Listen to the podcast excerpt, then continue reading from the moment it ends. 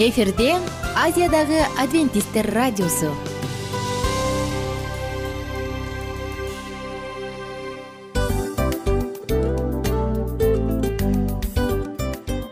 Достор салют.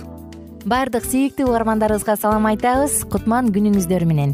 Ден соолук өмүрдүн булагы демекчи саламат саамы программасында баарыңыздарды көргөнүбүзгө абдан кубанычтабыз. Анда алгач амандашып өтөлү арбаңыздар деп. Ден соолугуңуздар кандай элибизде көбүнчө ден соолук кандай дегенде эле жакшы деп жооп беребиз жооп ооруп турсак дагы жакшы дейбиз. Анан мен муну айтып ойлойт элем бул абдан сонун сөз депчи анткени бул жакшы деген үмүт да ооба баары жакшы болот баары сонун. Деп үмүттөнүп атып эле өзүбүздү өзүбүз дарылап коебуз.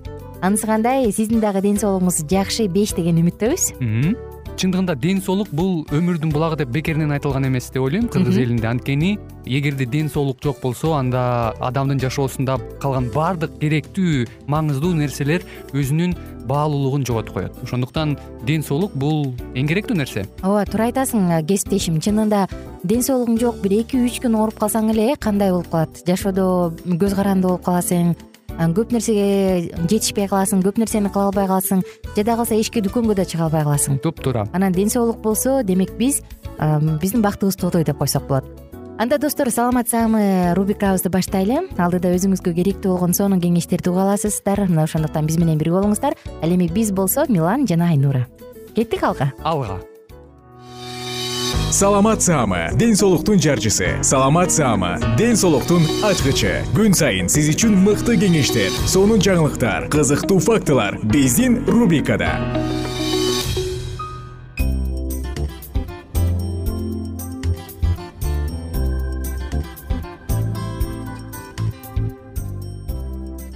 Салют достор. Гигиена. Баардыгы керектүү өлчөмдө болгону жакшы деген уктуруубузду улантабыз. Мурунку уктурууда баардык керектүү маалыматтарды айтып жетишпей калгандыктан бүгүн саатыбызда андан ары дагы улантабыз дагы керектүү маалыматтардын баардыгын айтып бергенге бир аз бир аз кыска болсо дагы аракет кылабыз. Аты жөнүм айнура миназарова маанайыңыз беш деген үмүттөмүн маанайыңыз беш болсо анда биз менен бирге болуңуз.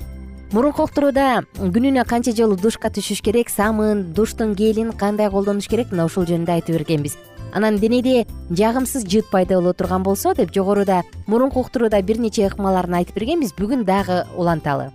Негизи эле кандай гана түрдөгү ич кийимди жактырбаңыз бирок ал кадимки эле хлопок деп коет эмеспизби? Дал ушундай пактадан жасалганы жакшы. Анан күнүгө алмаштырыңыз.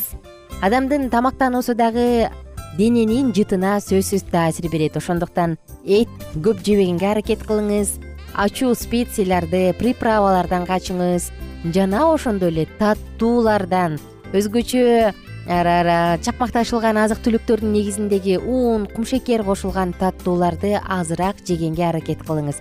Мунун баардыгы адамдын денесинин жытына сөзсүз таасир тийгизет. Достор ден соолугубуз үчүн кам көрүп жатып ашыкча эле гигиенаны сактай билсеңиз бул кайрадан зыян тийгизиши мүмкүн. Тагыраак айтканда ашыкча эле жууп жуунуп тазаланып кырына берүү биздин жакшы бактерияларыбызды жоготуп коюшу мүмкүн. Алар териде ичеги карындарда жашайт. Анын натыйжасында иммундук система начарлап кетет ошондуктан абайлаңыз. Акыркы изилдөөлөрдүн биринде көргөзгөн. Өзгөчө эле ашыкча гигиена бул аллергиялык реакцияларды пайда кылат деген атопиялык дерматитти жана аутоиммундук ооруларды чакырат деп айтышкан. Ошондуктан абайлаңыз ашыкча гигиена деген эмне деп сурашыңыз мүмкүн албетте бул санап отурсак көп. Мисалы балдардын идиш аягын стерилизациялоо дайыма аларды тез тезден кайнатып жууй берүү бала ойногон оюнчуктардын баардык идиш аяктардын э, баардык эшиктердин баардыгын химиялык тазалоочу ар кандай каражаттар менен жууп тазалай берүү баягы кырып жышына эле берет деп коет эмеспи. Мунун баардыгы тең өзүнүн зыянын алып келет. Ошондуктан абайлаш керек. Сөзсүз түрдө достор биздин ден соолугубуздун денебиздин тазалыгы жөнүндө сөз кылганда бул жактан ыңгайлуу кийим жана бут кийим жөнүндө дагы айтып өтпөсөк болбойт. Сөзсүз биздин кийим жана бут кийим муздактан сырткы айлана чөйрөнүн таасиринен сактаганы жакшы.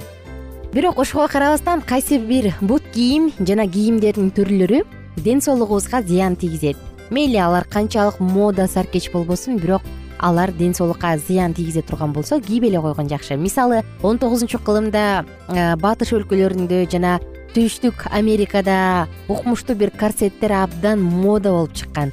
Бирок андай мода жаш татынакай айымдардын көпчүлүгүнө өтө чоң залалын тийгизип зыян алып келген. Анткени алар төш жактагы дем алуу органдарын кысып турчу ошол сыяктуу эле бюстгальтер ички кийимдердин бир түрү. Бул дагы эгерде тар боло турган болсо адам анда төшүнүн рагынан эмчек рагынан качып кутула албай калат. Элестетиңиз. Статистика айткандай статистика көргөзгөндөй дал ушундай өтө тыкыз өтө тар бюстгалтерлер эмчектин рагын өтө көбөйтөт. Тилекке каршы. Колдон келсе жок дегенде уктап жатканда дал ушул бюстгалтерди чечип койгон жакшы ич кийим синтетикадан болбой эле койгон жакшы колдон келишинче дем алган жана ички органдарды дем алдыра турган ич материалдан тигилгени ыңгайлуу эгерде дем албай турган болсо анда жыныстык органдар инфекция оорусуна сөзсүз чалдыгат. Жана айта турган болсок достор мырзалар өзгөчө тар джинсы шымдарды кийбей эле койгон жакшы. Анткени өтө тар шым мырзалардын жыныстык органын кысып турат ал жакта болсо дайыма кысылып жүргөн жерде температура жогорулайт дагы ал жактан сперматозоидтер болбой калат экен өндүрүлүп чыкпай калат экен. Мына ошондуктан эркек адам тукумсуз болуп калышы мүмкүн. Абайлаңыздар чындыгында карап отурсаң саркеч ой бул азыр модада деп туруп кийип алсаңыз ден соолугуңузга залакасын тийгизип койбосун. Андан сырткары кысып турган моюн кысып турган жака мунун баардыгы тең сизде алсыроону алып келет баш айланууну алып келет керек болсо жыгылып калууга чейин алып келиши мүмкүн. Тар гольфа байпактарды дагы кийбей эле койгон жакшы анткени ал сиздин кан айланууңузду начарлатат дагы тромбоздорго алып келиши мүмкүн. Бут кийим болушунча ыңгайлуу болгону жакшы. Мисалы өтө бийик каблук тамандын алды жагын үстүңкү астыңкы бөлүгүн бузат анын натыйжасында дайыма белде оору пайда болушу мүмкүн. Ошондуктан бут кийим колдон келишинче ыңгайлуу болгон жакшы. Баягы жумушчу каблук деп коет эмеспи рабочий каблук деп. Дал ушундай жумушчу каблукту кийсеңиз эгерде өтө эле жакшы көрсөңүз анда бул жакшы. Достор тар бут кийим кийбей эле коюңуз. Анткени ал бут тамандын кадимки эле турган турпатын өзгөртүп коет. Бут кийимиңиздин башы кысып турган болсо ар кандай ооруларга чалдыгышыңыз мүмкүн. Бүгүн жана мурунку уктурууда айткан баардык кеңештер мунун баардыгы жөнөкөй. Булардын баардыгын сиз билип угуп эле келгенсиз. Керек болсо ооба муну кийбеш керек. Мен өзүмдү жакшы сезбей атам деп дагы айтып келгендирсиз. Ал эми бүгүн биздин максатыбыз дал ушул нерсени өзүңүз гана билбестен балдарыңызды жакындарыңызды жана башка адамдарды дагы маалымдар кылып айтып алардын ден соолугу үчүн кам көрүп коюшуңузду суранат элек достор эң башкы максатыбыз сиз оорубаңыз. Өмүрүңүз узун болсун. Өмүрүбүз узун жана бактылуу жашашыбыз үчүн бизге эмне керек десек сөзсүз түрдө биринчи байлык ден соолук деп келебиз. Ошондуктан кийип жүргөн кийимиңиз мейли саркеч болбосун бирок сизге ыңгайлуу жагымдуу болсун. Мейли эл кийбесин бирок сиз ал жактан өзүңүздү жакшы сезиңиз. Ич кийимдер деле өзгөчө ой укмуш экен деп кызыгып базардан же дүкөндөн алып аласың дагы анан өзүңдү ыңгайсыз сезип бирок жагат бул мага деп болбой эле кыйнап жүрө бересиң. Достор ич кийим өзгөчө ыңгайлуу болгону жакшы. Бут кийим өзгөчө ыңгайлуу болгону жакшы. Сулуулуктан жылуулук дейбиз дагы саатыбызды жыйынтыктайбыз кийинки уктуруудан кайрадан амандашканча баарыңыздардын маанайыңыздар сонун болсун уртуңардан күлкү кетпесин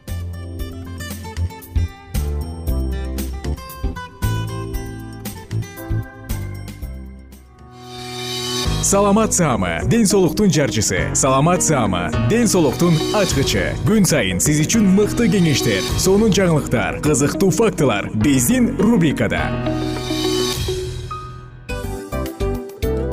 Салют замандаштар баарыңыздарга ысык салам. Дил маек программабызга кош келиңиздер. Дил маек рубрикасы дегенде эле бул эмне болгон дил маек ким менен маектешебиз деп сурайт болуш керек угармандарыбыз бул рубриканы кыскача тааныштыра кете турган болсок ар тарап кесип ээлеринен болгон сонун интервью кеңештер бар. Ооба. Жылдыздар менен болгон маек бар. Аталарыбыздын агаларыбыздын чоң аталарыбыздан сонун кеңештер бар. Ошондой эле эже сиңдилердин кеңештери бар айтор. Баардык кызыктардын баары алдыда. Негизи эле адам баласы бир кимдир бирөөнө ишенип сырын ачкысы келет эмеспи э мындай баарлашууга жакын келебиз го. Албетте. Негизи бир жерге отуруп алып кенен шашпай баягы жүрөктөн жүрөккө ачып сырларыбызды ар кандай көйгөйлөрүбүз менен бөлүшүп баягы чын жүрөктөн маек курганды кимибиз сүйбөйбүз э? Ооба десең ал нерсеге суусап да келебиз да. Ооба кээ бирде адамга чындыгында баягы э, ысык маек баягы жылуу маек жетишпейт да. Ошондуктан биз ушул рубриканы ойлоп тапканыбызда эң биринчи эле достор сиздер менен чын жүрөктөн бир маңыздуу темаларды козгоп кеткени э, кааладык. Ошондуктан ушундай сонун бир рубриканы тартуулап жатабыз. Анын үстүнө радио дагы сонун дос да анткени э, мындай учурда досуңа айтсаң досуң досуна айтат досу досуна айтат да анан бүт өлкө билип калышы мүмкүн го. А радио болсо сени сатпаган сенин айыбыңды ачпаган сенин сырыңды эч кимге айтпаган сонун досуң ошондуктан биздин алдыдагы айта турган кеңештерибизди биздин досторубуздун кеңештерин угуп анан ал жака пикириңизди дагы калтырып кайрадан биз менен байланышсаңыздар болот. Деги эле жашооңузга эгерде кичине болсо дагы өзгөрүү алып моралдык жактан нравовалык жактан сонун бир кеңештерди алсаңыз демек биз максатыбызга жеттик. Ооба. Чыңгыз атабыз улуу жазуучу э, чыңгыз айтматов айткандай адам болуу бул күнүмдүк процесс экен. Күн сайын адам бойдон калуу бул адамзатка эң эле кыйын дейт э? э эң кыйын дейт. Чындыгында бунун э, негизинде адамдын эң баягы сапаттуулугу адамдын э, адамгерчилиги жана көптөгөн керектүү нерселер. Мына ошол темалар дагы бизде ушул дил маекте биз аларды да козгойбуз. Ден соолук жөнүндө да сүйлөшөбүз. Сөзсүз түрдө. Анан милан мырза негизи айтып коюшат го? Биз көбүнчө эмнени ойлонсок ошол нерсеге карата иш кылабыз го? Ооба. Анан анысы кандай балким бул радио баракчада кимдир бирөөнүн оюн текшергенге жардам берет кимдир бирөөнүн жүрөгүн текшергенге жардам берет. Балким кимдир бирөөгө жашоонун маңызын тапканга жардам берер. Айтор кызыктын баары алдыда бул жөн гана кыскача жарнама анда угармандарыбыздын баардыгын кийинки рубрикабызга чакырабыз. Ал эми кызматта маңдайымда отурган кесиптешим милан жана мен айнура. Анда эмесе биз даярдаган терең терең ойлор менен таанышууга кеттик. Алыс алыс баралык анда эмесе достор биз менен бирге болуңуздар. Алдыда эң кызыктуу маалыматтардын баардыгы бир нече мүнөттөр бою жалгыз гана сизге арналат. Мына ошондуктан жакшы маанай менен угууну каалайбыз. Үн алышканча жөнөдүк. Ар түрдүү ардактуу кесип ээлеринен алтын сөздөр жүрөк ачышкан сыр чачышкан сонун маек дил маек рубрикасында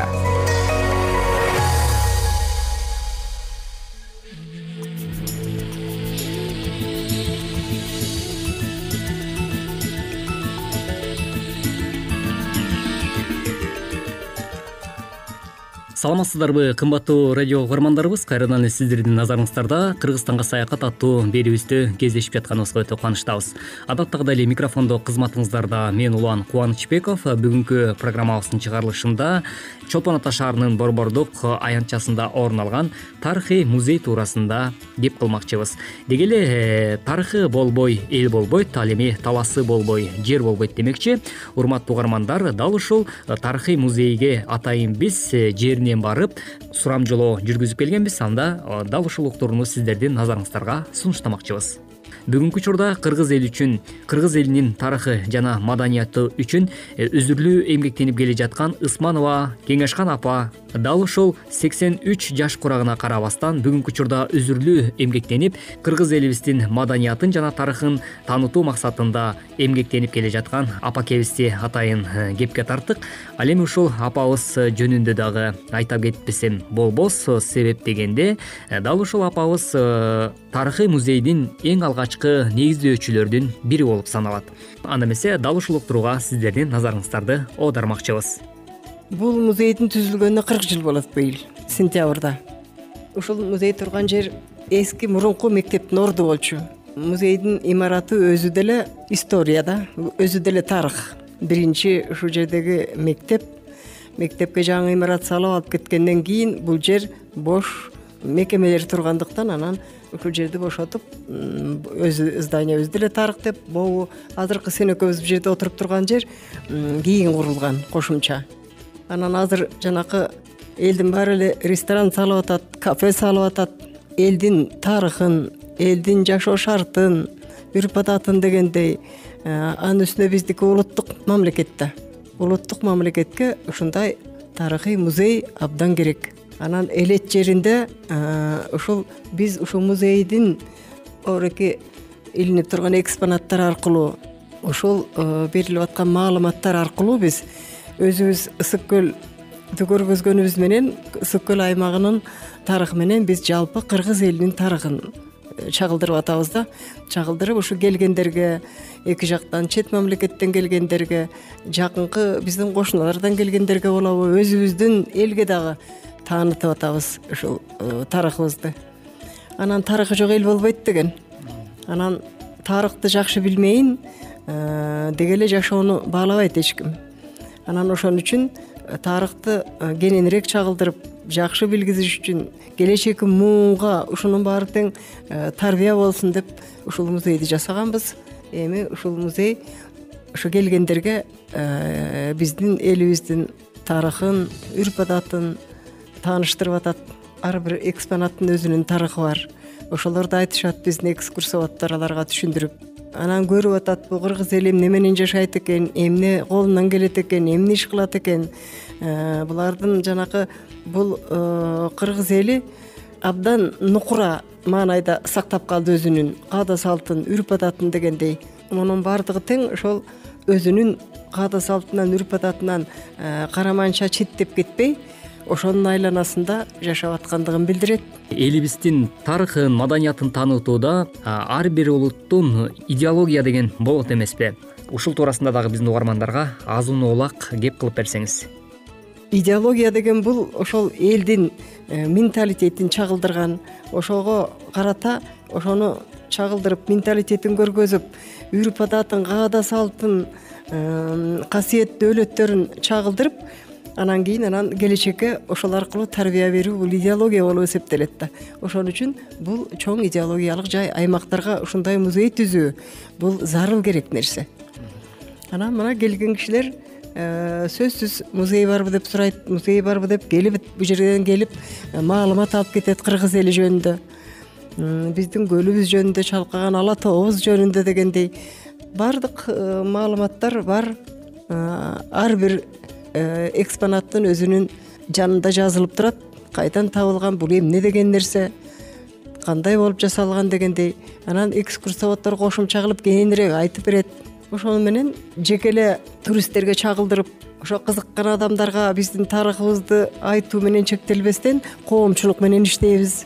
Мектептерден окуучуларды э, алар өздөрүнүн кээ бир тарых сабактарын тил сабактарын ушул жака келип өтүшөт мугалимдер анан аймактагы мектептер атайын келишет борбордогу студенттерден бери келишет. Анан келип э, ушуларды көрүп таанышып бул келечекки муунду тарбиялоого да абдан чоң э, мааниси бар бул музейдин. Аймактарда ушундай музейлер көбүрөөк түзүлсө ага көбүрөөк көңүл бурулса э, колдон келишинче мындай айтканда ошо азыр эми элдин арасында ошого көбүрөөк каражат каралса көңүл бурулса сонун эле болот эле абдан жакшы эми бул музейди э, келечекте жалпы эле жумурай журтчулукка элге таанытууда албетте максаттар болот болуш керек. Э, ошол эле учурда кандай ой максат тилектериңиз бар? Көп жакшы иштер жасалат деп ойлойбуз. Мына ушул имарат тетиги эле отузунчу жылдарга чейин курулган имарат. Стенасы сырой кирпич бышпаган кирпич. Ошону эле эптеп улам бир жеринен тамчы акса ошону майлап сырдап бүтөп ошентип коюп эле отурабыз жылыга курулат дейбиз жылыга э, бюджеттин быйылкы курулушуна эмеге кирип калат деп ойлойбуз бирок жылыга эле курулбай эле келатат. Эгерде ушул жаңы имарат курулуп ушул экспонаттарга жаңы оборудованиялар болуп ошолорду ичине коюп жаңы э, дем алуу жаңы дыхание берсек абдан эле сонун болмок. Анан эми андай күн да келер кудай буюрса. Үмүтүбүздү үзгөн жерибиз жок жылыга күтүп атабыз. Ошол ал эми кымбаттуу угармандар ушул чолпон атада орун алган э, тарыхый музей туурасындагы интервьюбуздун аягына чыга албай калдык. Себеп дегенде бизге бөлүнгөн убакыт да ушунчалык чектелүү болгондуктан э, алдыда дагы тарыхый музей туурасында дагы кызыктуу маекти эмки берүүбүздө дагы биз э, дал ушул эле жаатта маегибизди улантмакчыбыз ал эми урматтуу угармандар ушуну менен бизге бөлүнгөн убакыт өз соңуна келип жетип калды. Кайрадан эле сиздер менен дал ушул аба толкундан э, үн алышканча сак саламатта болуңуз. Ар түрдүү ардактуу кесип ээлеринен алтын сөздөр жүрөк ачышкан сыр чачышкан сонун маек дил маек рубрикасында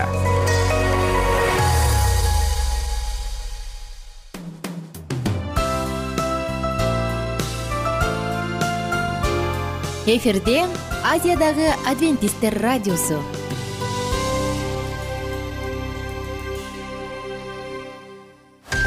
Жан дүйнөңдү байыткан жүрөгүңдү азыктанткан жашооңо маңыз тартуулаган жан азык рубрикасы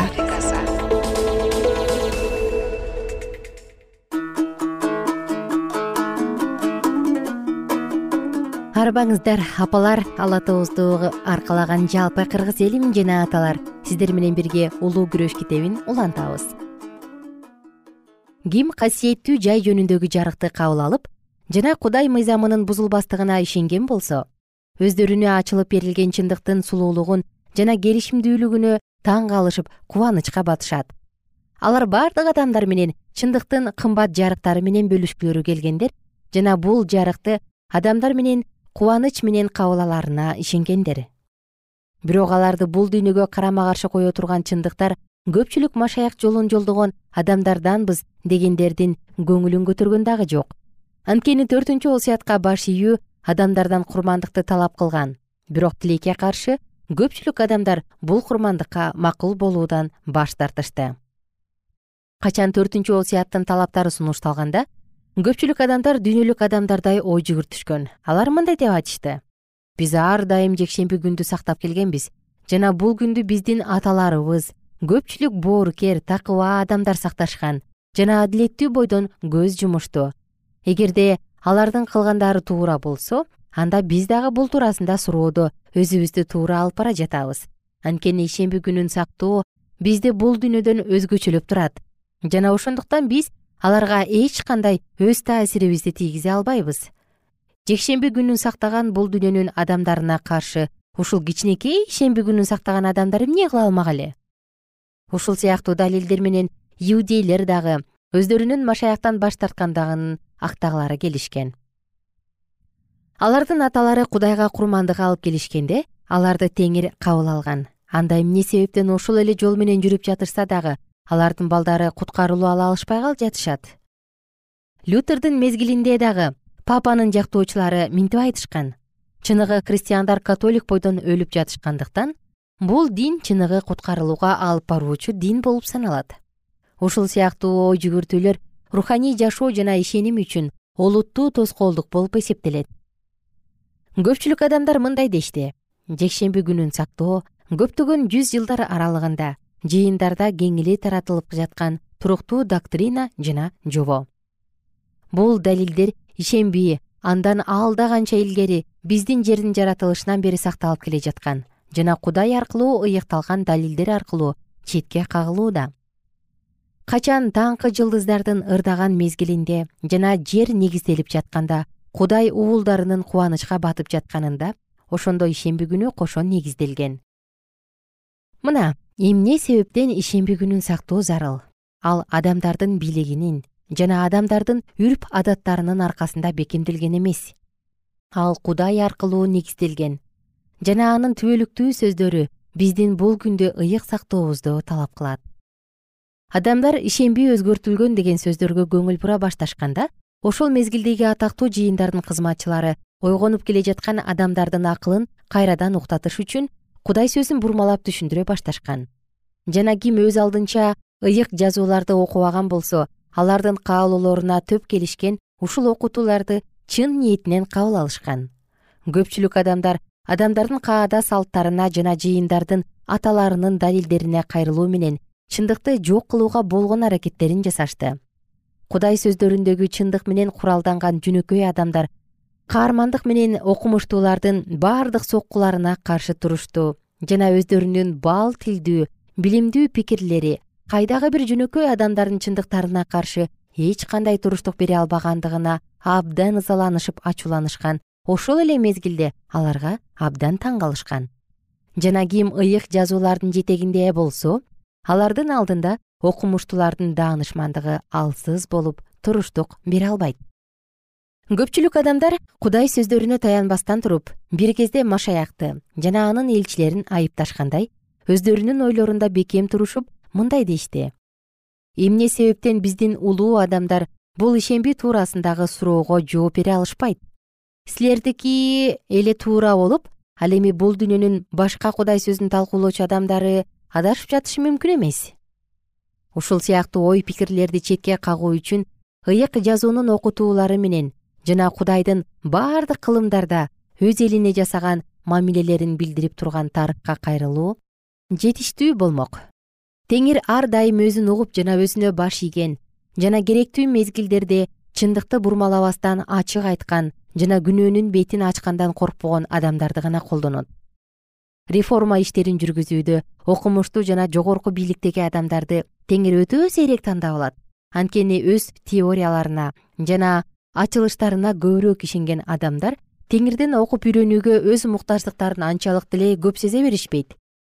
Бир гана ким өз муктаждыгын даанышмандыктын булагынан издеген болсо ошол адам гана ыйык жазууну түшүнүп жана аны түшүндүрө алат. Кээ бир мезгилдерде чындыкты таратуу билимсиз адамдарга тапшырылат. Алар көп нерсени билбегендиктен эмес бирок кудай алдында окуп үйрөнүүдө өз текебердиги жоктугунан болот алар машаяктын мектебинен окуп үйрөнүшүп өз момундуктарынын жана тил алчаактыгынын аркасында улуу деген наамга жетишишет. Жана кудай аларга өз чындыктарынын билимин ишенгендиктен алардын алдында жердик атак даңк жана улуулуктар караандабагандай урмат көргөзө алат көпчүлүк адвентисттер касиеттүү жай жана кудайдын мыйзамы жөнүндөгү чындыктардан баш тартышкан дагы көпчүлүктөрү туура эмес карама каршы көз караштарды кабыл алышкандыктан адвентисттердин кыймылдарынан чыгып кетишкен. Дагы башкалары машаяктын келиши жөнүндөгү мезгилди туура эсептеп чыгабыз деген максатта адашууга кабылышкан. Касиеттүү жай жөнүндөгү суроону жарык кылган жарык аларга бир дагы пайгамбарлык мезгил машаяктын экинчи келишине чейин созулбай тургандыгын жана бул келүүнүн так мөөнөтү жазылбагандыгын билдирген. Бирок жарыктан тетири бурулуу менен алар кайра кайра машаяктын келер мөөнөтүн белгилешип ар бир учурда көңүл калууларга кабылышты.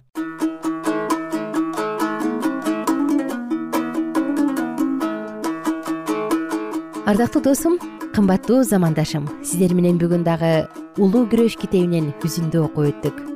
Уктуруубузду кийинки жолу улантабыз. Кийинки уктуруудан амандашканча күнүңүздөр көңүлдүү улансын. Бар болуңуздар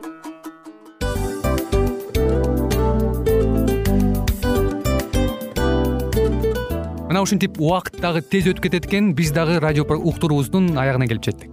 Келип кубандырдыңар эми кетип кубандыргыла деп тамашалап калышат эмеспи? Анысы кандай? Радио баракчабызды программабызды азыр эле баштап аткандай болдук элек мына соңуна келдик э? Негизи убакыт э, билинбей өтүп кетет экен? Мен дагы э, убакыт дегенде бүгүн бир адам менен сүйлөшүп калдым. Анан убакыт бул мүмкүнчүлүк деп айтып өзүмө өзүм айтып алып анан мага өзүмө эле кайра ачылыш болду да чын эле Э, карап отурсаң ошол эле жыйырма төрт саат ошол эле жарым саат кайталанып атат. Бирок сендеги мүмкүнчүлүк жок ошол кой берилип кетти? Анысы кандай? Бүгүнкү сонун убактыңызды алтындай болгон жарым саатыңызды бизге бөлүп арнаганыңыз үчүн ыраазычылык айтабыз. Анан жашооңуздун кайсы бир сферасын өзгөртө турган сонун пайдалуу кеңеш алган болсоңуз анда биз максатыбызга жеттик. Анан ушул нерсени кылбасам десеңиз ошол өзгөрүүлөрдү кичинекей кадамдардан баштап иш жүзүнө ашырыңыз дагы жашооңузда чоң чоң ийгиликтерге жетиңиздер чын жүрөктөн ар бир берилген кеңештер сөздөр сиздерге пайдасын алып келет деп ишенебиз жана кийинки уктурууларда сөзсүз түрдө чыдамсыздык менен сиздерди күтөбүз. Сагынычтуу салам айтып кайрадан дал ушул жыштыктан баардыгыңыздарды тосуп алганча кызматта мен айнура жана кесиптешим милан. Анда кол пулга алайбыз жалпыңыздарга ийгиликтүү күн. Саламатта калыңыздар